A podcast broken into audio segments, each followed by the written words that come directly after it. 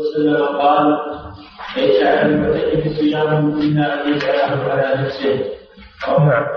هذا يفسر قول عائشة رضي الله عنها في الحديث الذي قبلها لا اعتكاف إلا بصيام أن المراد بذلك الأفضلية لا الوجوب. فلو اعتكف وهو مفطر فلا بأس بذلك. اعتكافه صحيح. ولأن النبي صلى الله عليه وسلم اعتكف في شوال لما لم يعتكف العشر الأواخر من رمضان قضاها في شوال وشوال ليس وقتا للصيام. وأيضا سأله عمر رضي الله عنه أنه نذر أن يعتكف ليلة في المسجد الحرام. نذر في الجاهلية أن يعتكف ليلة في المسجد الحرام. فقال له أوف بنذرك. ومعلوم أن الليل ليس وقتا للصيام فدل على أن الصيام ليس شرطا للاعتكاف وإنما يكون أفضل من الاعتكاف وهو مفطر. نعم. إلا أن إلا أن يفرض الاعتكاف على نفسه بنذر. إذا نذر أن يعتكف وهو صائم وجب عليه الصيام. بقوله صلى الله عليه وسلم من نذر أن يطيع الله فليطيعه أما إذا لم ينذر فلا يلزمه الصيام من أجل الاعتكاف. نعم. وعن ابن عمر رضي الله عنهما أن رجالا من أصحاب النبي صلى الله عليه وسلم رأوا ليلة القدر في المنام في السبع الأواخر. فقال رسول الله صلى الله عليه وسلم ترى رؤياكم قد تواطأت في السبع الأواخر فمن كان متحريها فليتحرى السبع الأواخر متفق عليه. وعن معاوية بن أبي سفيان من ما خص الله به شهر رمضان المبارك وجود ليلة القدر فيه. ليلة القدر هي في شهر رمضان. بدليل قوله تعالى شهر رمضان الذي أنزل فيه القرآن. وقال في الآية الأخرى إنا أنزلناه في ليلة القدر. فأنزل يعني ابتدأ نزول القرآن في ليلة القدر. وهي في رمضان. وسميت ليلة القدر لعظم قدرها لعظم قدرها عند الله سبحانه وتعالى. وقيل لأنها تقدر فيها مقادير السنة. تقدر فيها مقادير السنة. وما يجري في السنة من المقادير. قال الله تعالى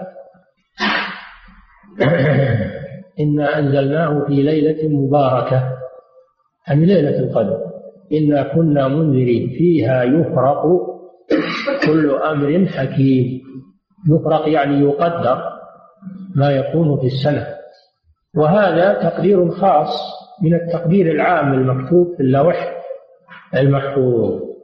تقدير خاص مأخوذ من التقدير العام المكتوب في اللوح المحفوظ.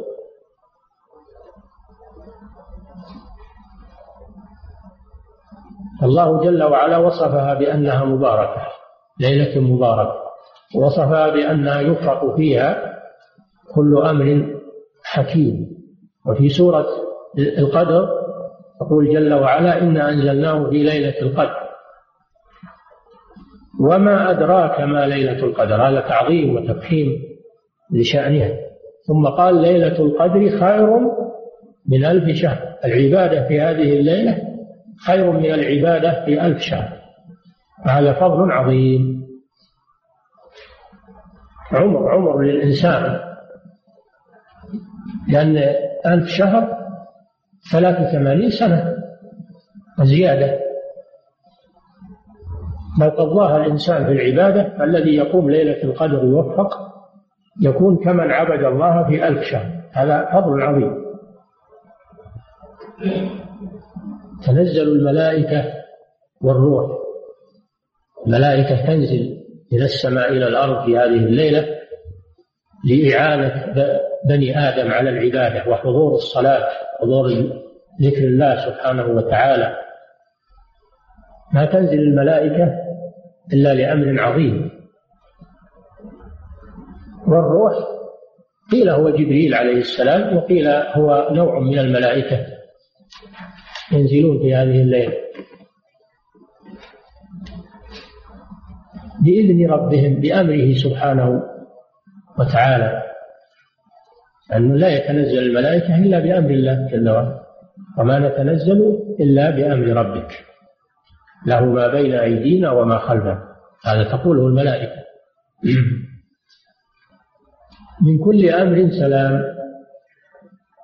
من كل أمر تنزل الملائكة والروح فيها بإذن ربهم من كل أمر سلام هي حتى مطلع الفجر.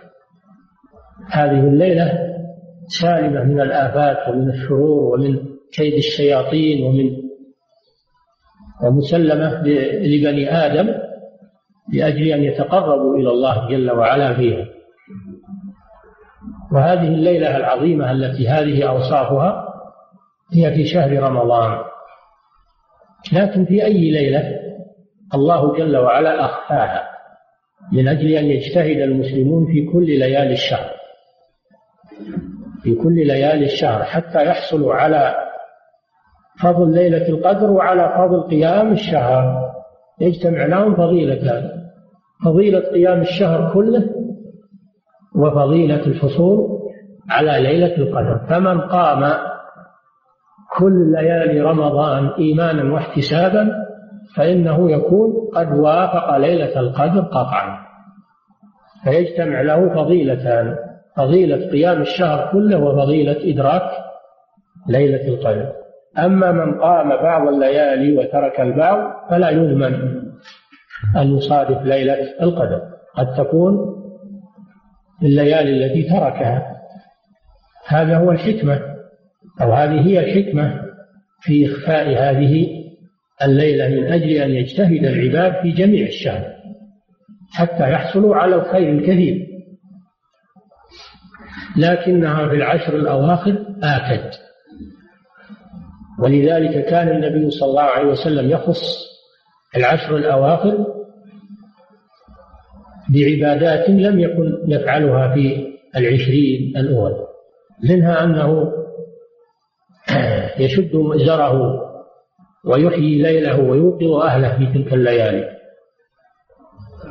ومنها أنه يعتكف عليه الصلاة والسلام في المسجد في هذه الليالي والأيام العشر طلبا لليلة القدر وتحريا لها.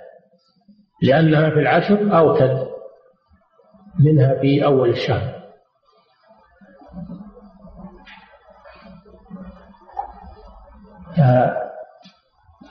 جماعة من الصحابة كان الصحابة كانوا يهتمون بطلب هذه الليلة وتحريها ويسألون النبي صلى الله عليه وسلم في أي ليلة هي؟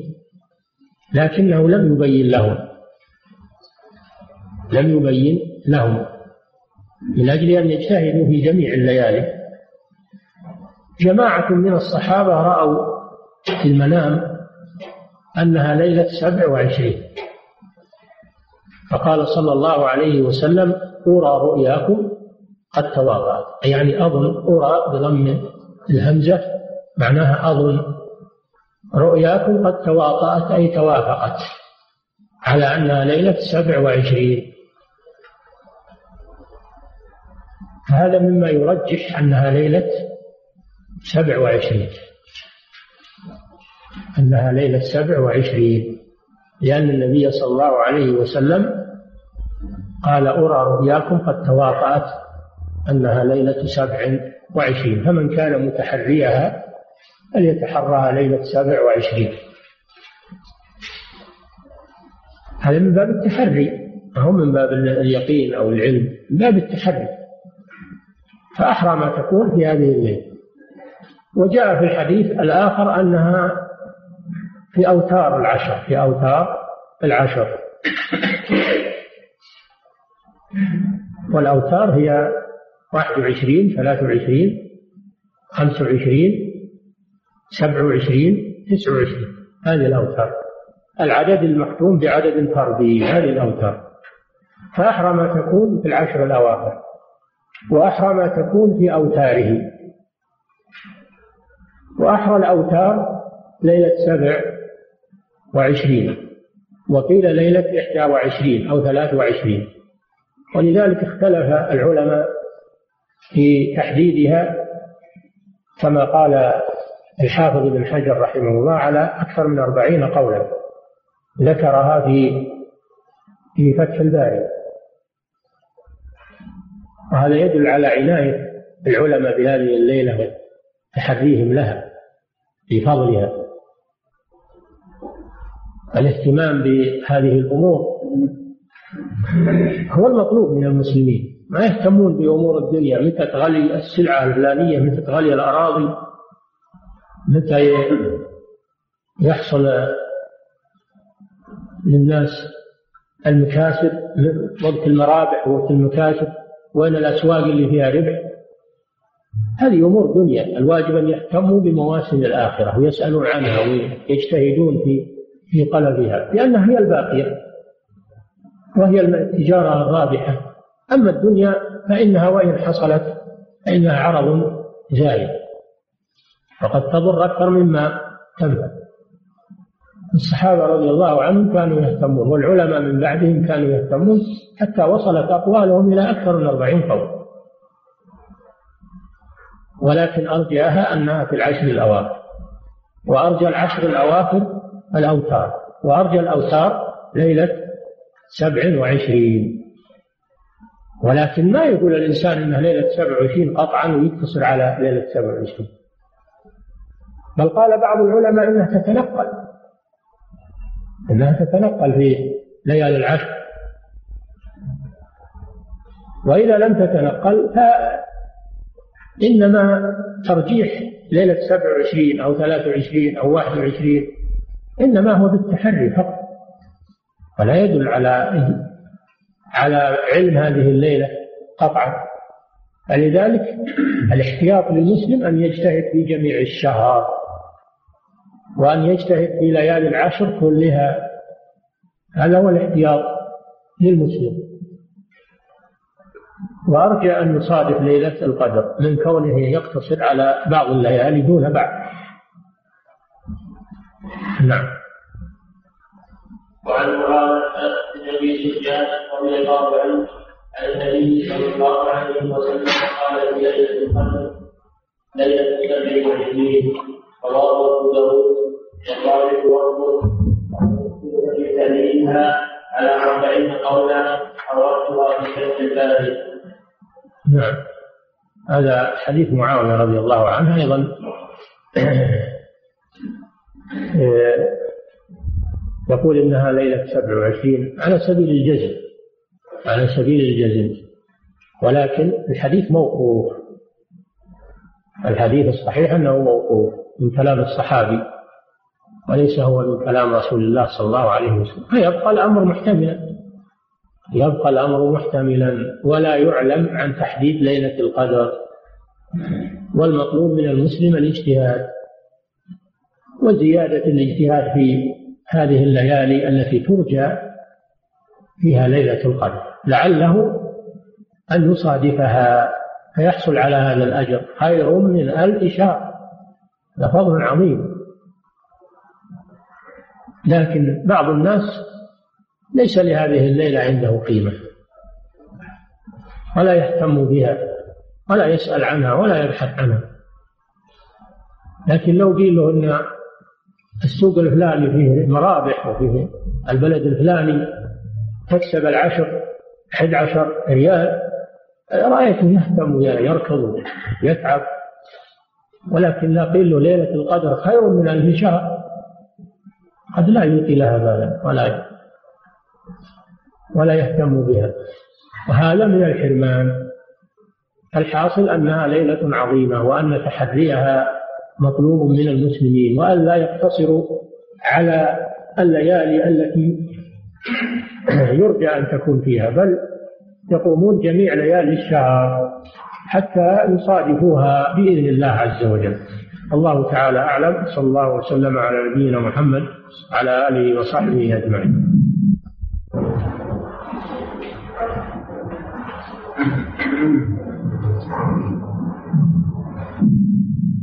بقي التنبيه على كلمة قالها الشارح الصنعاني عفى الله عنه يقول إن صلاة التراويح على الصفة التي يعملها المسلمون الآن ابتدعها عمر. وهذا كلام خطير. فإن عمر رضي الله عنه لم يبتدع صلاة التراويح.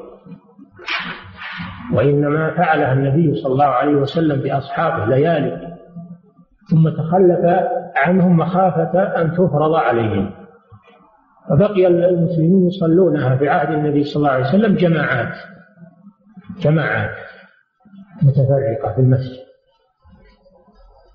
وكذلك في خلافة أبي بكر رضي الله عنه يصلونها في المسجد جماعات وصدرا من خلافة عمر ثم رأى رضي الله عنه أن يجمعهم على إمام واحد كما كانوا في عهد النبي صلى الله عليه وسلم قبل أن يتخلف عنهم خشية البرضية فعمر أعاد السنة التي بدأها النبي صلى الله عليه وسلم ولم يبتدع شيئا من عنده.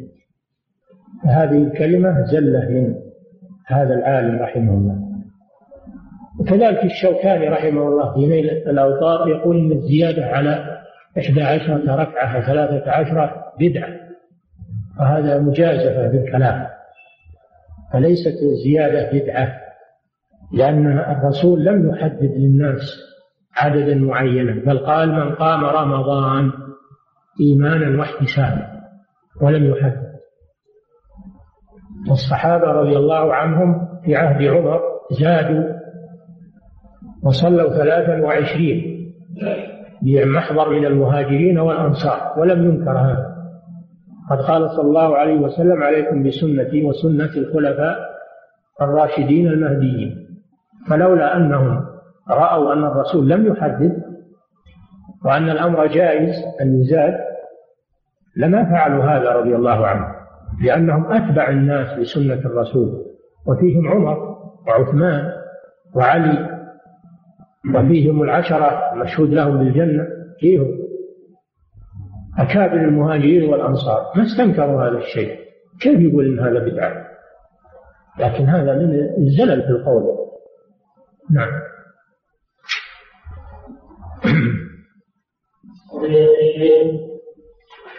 هل يصح الاعتكاف في غير المسجد الحرام والمسجد النبوي والمسجد الاقصى بقي حديث لو قرأته نكمل نعم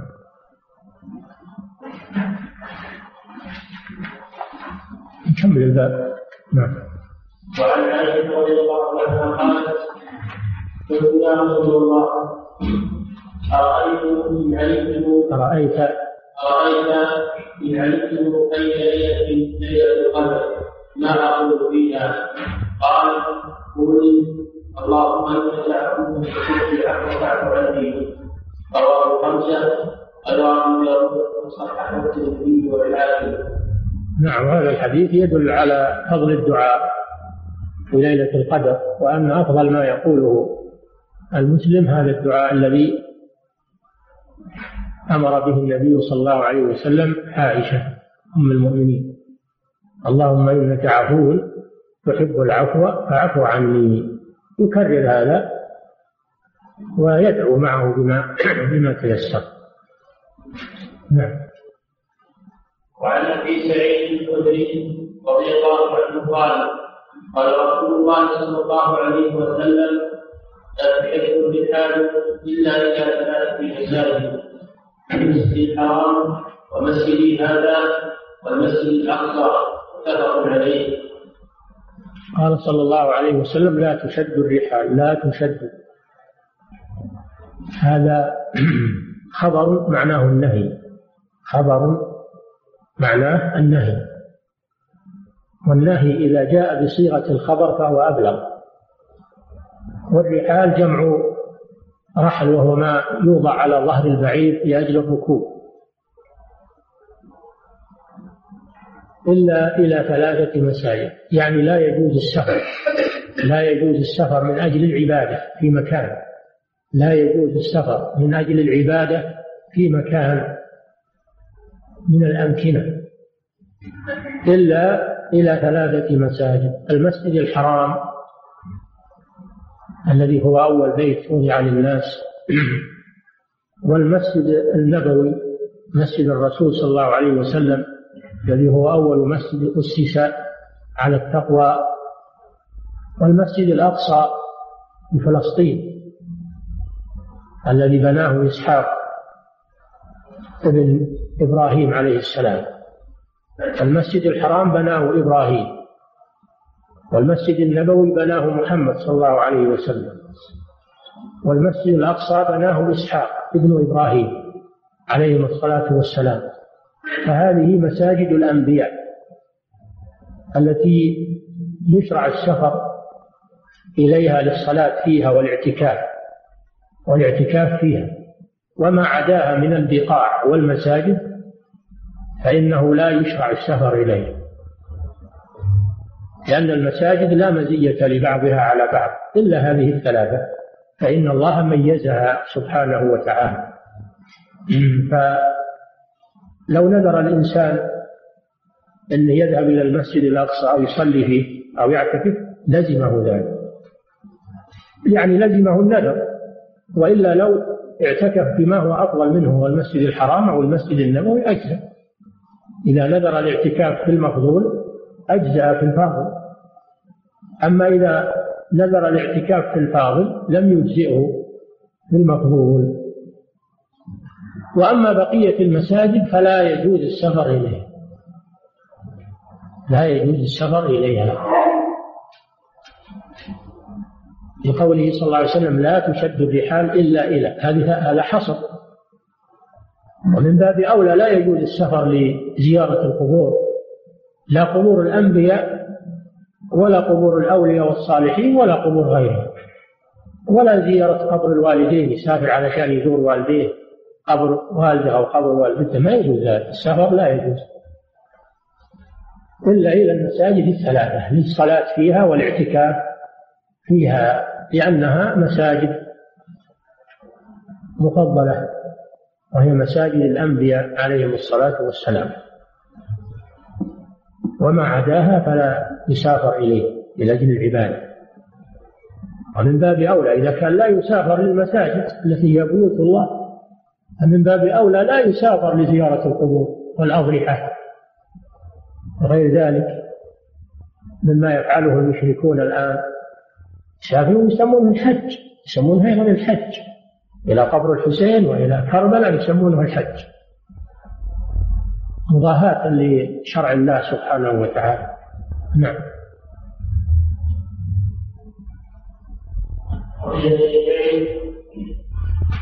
الاعتكاف في غير المسجد الحرام والمسجد النبوي والمسجد الاقصى نعم. الله جل وعلا يقول وأنتم عاكفون في المساجد ولم يحدد مسجدا دون مسجد. فيجوز الاعتكاف في أي مسجد. وهذا من التيسير على المسلمين.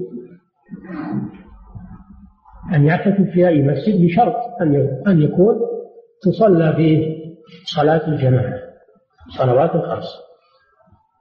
في أي مسجد؟ ومن حدد بالمساجد الثلاثة فقط فلا دليل معه. نعم. قضية الشيخ هل أشرع أركان الصلاة القيام أم السجود؟ اختلفوا في هذا. بعضهم يقول الأفضل الركوع والسجود وبعضهم يقول القيام. وشيخ الإسلام رحمه الله يقول الذكر الذي يقال في القيام أفضل من الذكر الذي يقال في الركوع والسجود. لأن الذكر الذي يقال في القيام هو كلام الله سبحانه وتعالى. وأما حالة الركوع والسجود فهي أفضل من القيام لأنها خضوع لله سبحانه وتعالى فتتعادل تعادل القيام والركوع والسجود. لأن كل واحد فيه فضيلة لا توجد في الثاني فتعادلت. هذا هو القول الحق في هذه المسألة. نعم. فضيلة الشيخ كيف يوجه حديث لا اعتكاف إلا للمساجد الثلاثه الحديث وما يقام باسم الاعتكاف ما أعرف حالة هذا الحديث. وإن صح فالمراد به لا اعتكاف أكمل. الاعتكاف أكمل. وليس المراد نفي الاعتكاف في غيرها وإنما النفي متوجه للفضل الأفضلية والكمال. إن صح هذا الحديث أنا ما أعرف عن شيء. ولكن الناس ينبشون عن الأشياء التي يشوشون على الناس. نعم. فضيلة الشيخ ما سبب أنه صلى الله عليه وسلم لم في رمضان حتى قضاه شوال. ربما يكون حصل لها غزو ولا شيء من الشواغل. نعم. فضيلة الشيخ هل يجوز للمعتكف أن يشترط من دخول المعتكف أن يخرج بعمل معين؟ نعم له له يشترط. له أنه يشترط أنه يخرج بعمل كذا وكذا لكن هذا ينقص عليه الأجر. نعم. فضيلة الشيخ ما هي أقصر مدة للاعتكاف؟ لم يحدد الاعتكاف. أما الاعتكاف لم يحدد ولكن كلما قال فهو أفضل نعم. فضيلة الشيخ دعاء ختم القرآن في صلاة التراويح أو التهجد قيل إنها ليست في سنة النبي صلى الله عليه وسلم ولم يفعلها أصحابه من بعده وما رأيتم نعم لم يرد حديث في خصوص دعاء الختم في الصلاة ولكن هذا شيء عمله السلف. هذا شيء عمله السلف والدعاء مشروع في الصلاة. الدعاء في الجملة مشروع في الصلاة وهذا دعاء. فيكون داخلا في مشروعية الدعاء في الصلاة. والإمام أحمد يقول أدركت عليه أهل الحجاز وأهل كذا وصلى الإمام أحمد وراء الإمام الذي يريد ختم القرآن وأمره أن يختار الأدعية التي وجهه إليها وأمن على دعائه. وما كان هؤلاء الأئمة ليعملوا بدعة. دل على أن هذا عمل سائر ولا يقال إنه بدعة. نعم كما يقوله بعض الناس اليوم. في ناس اليوم ما همهم إلا يشوشون على الناس. هذا بدعة ولا بدعة ولا بدعة ولا يعني لصرتم ما تعرفون. الشيء اللي ما تعرفون تقول هذا بدعة. ما يصلح الكلام هذا نعم. عمل المسلمين حجة. وهذا من عهد القرون المفضلة. الإمام أحمد من علماء القرون المفضلة. وقد ذكر ختم القرآن نص عليه كما في المغني كما في المغني ذكره عن الإمام أحمد نص. وهو من علماء القرون المفضلة. ما كانوا يعملون بدعة. نعم. خيركم قرني ثم الذين يلونهم ثم الذين يلونهم. أربعة قرون. الإمام أحمد من علماء القرون المفضلة وذكر هذا عن معاصريه من أهل العلم. والدعاء في الصلاة مشروع في الجملة. فما مع مع هؤلاء حجة إلا التشويش على الناس فقط. تشويش على الناس وتهوين قيام رمضان عندهم وأنهم الناس من حينهم كسلانين إلا جوهم قالوا هذا بدعة ولا بدعة. وتكاثروا الناس زيادة. نعم. فضيلة الشيخ قول النبي صلى الله عليه وسلم في هو أذان صلاة التراويح. نعم.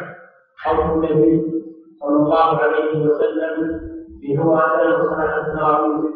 الكل على المسلمين؟ كيف يكون توحيده وهل كل فعل العبادات بهذه الطريقة؟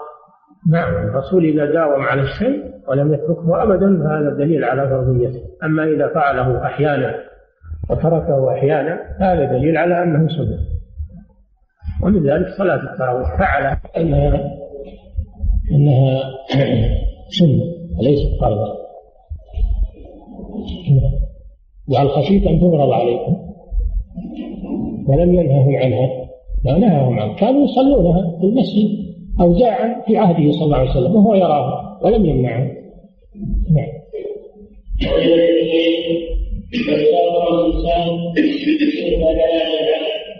وكان على قيام بقية الليالي فهل يكتب له قيام الليلة التي سافر فيها؟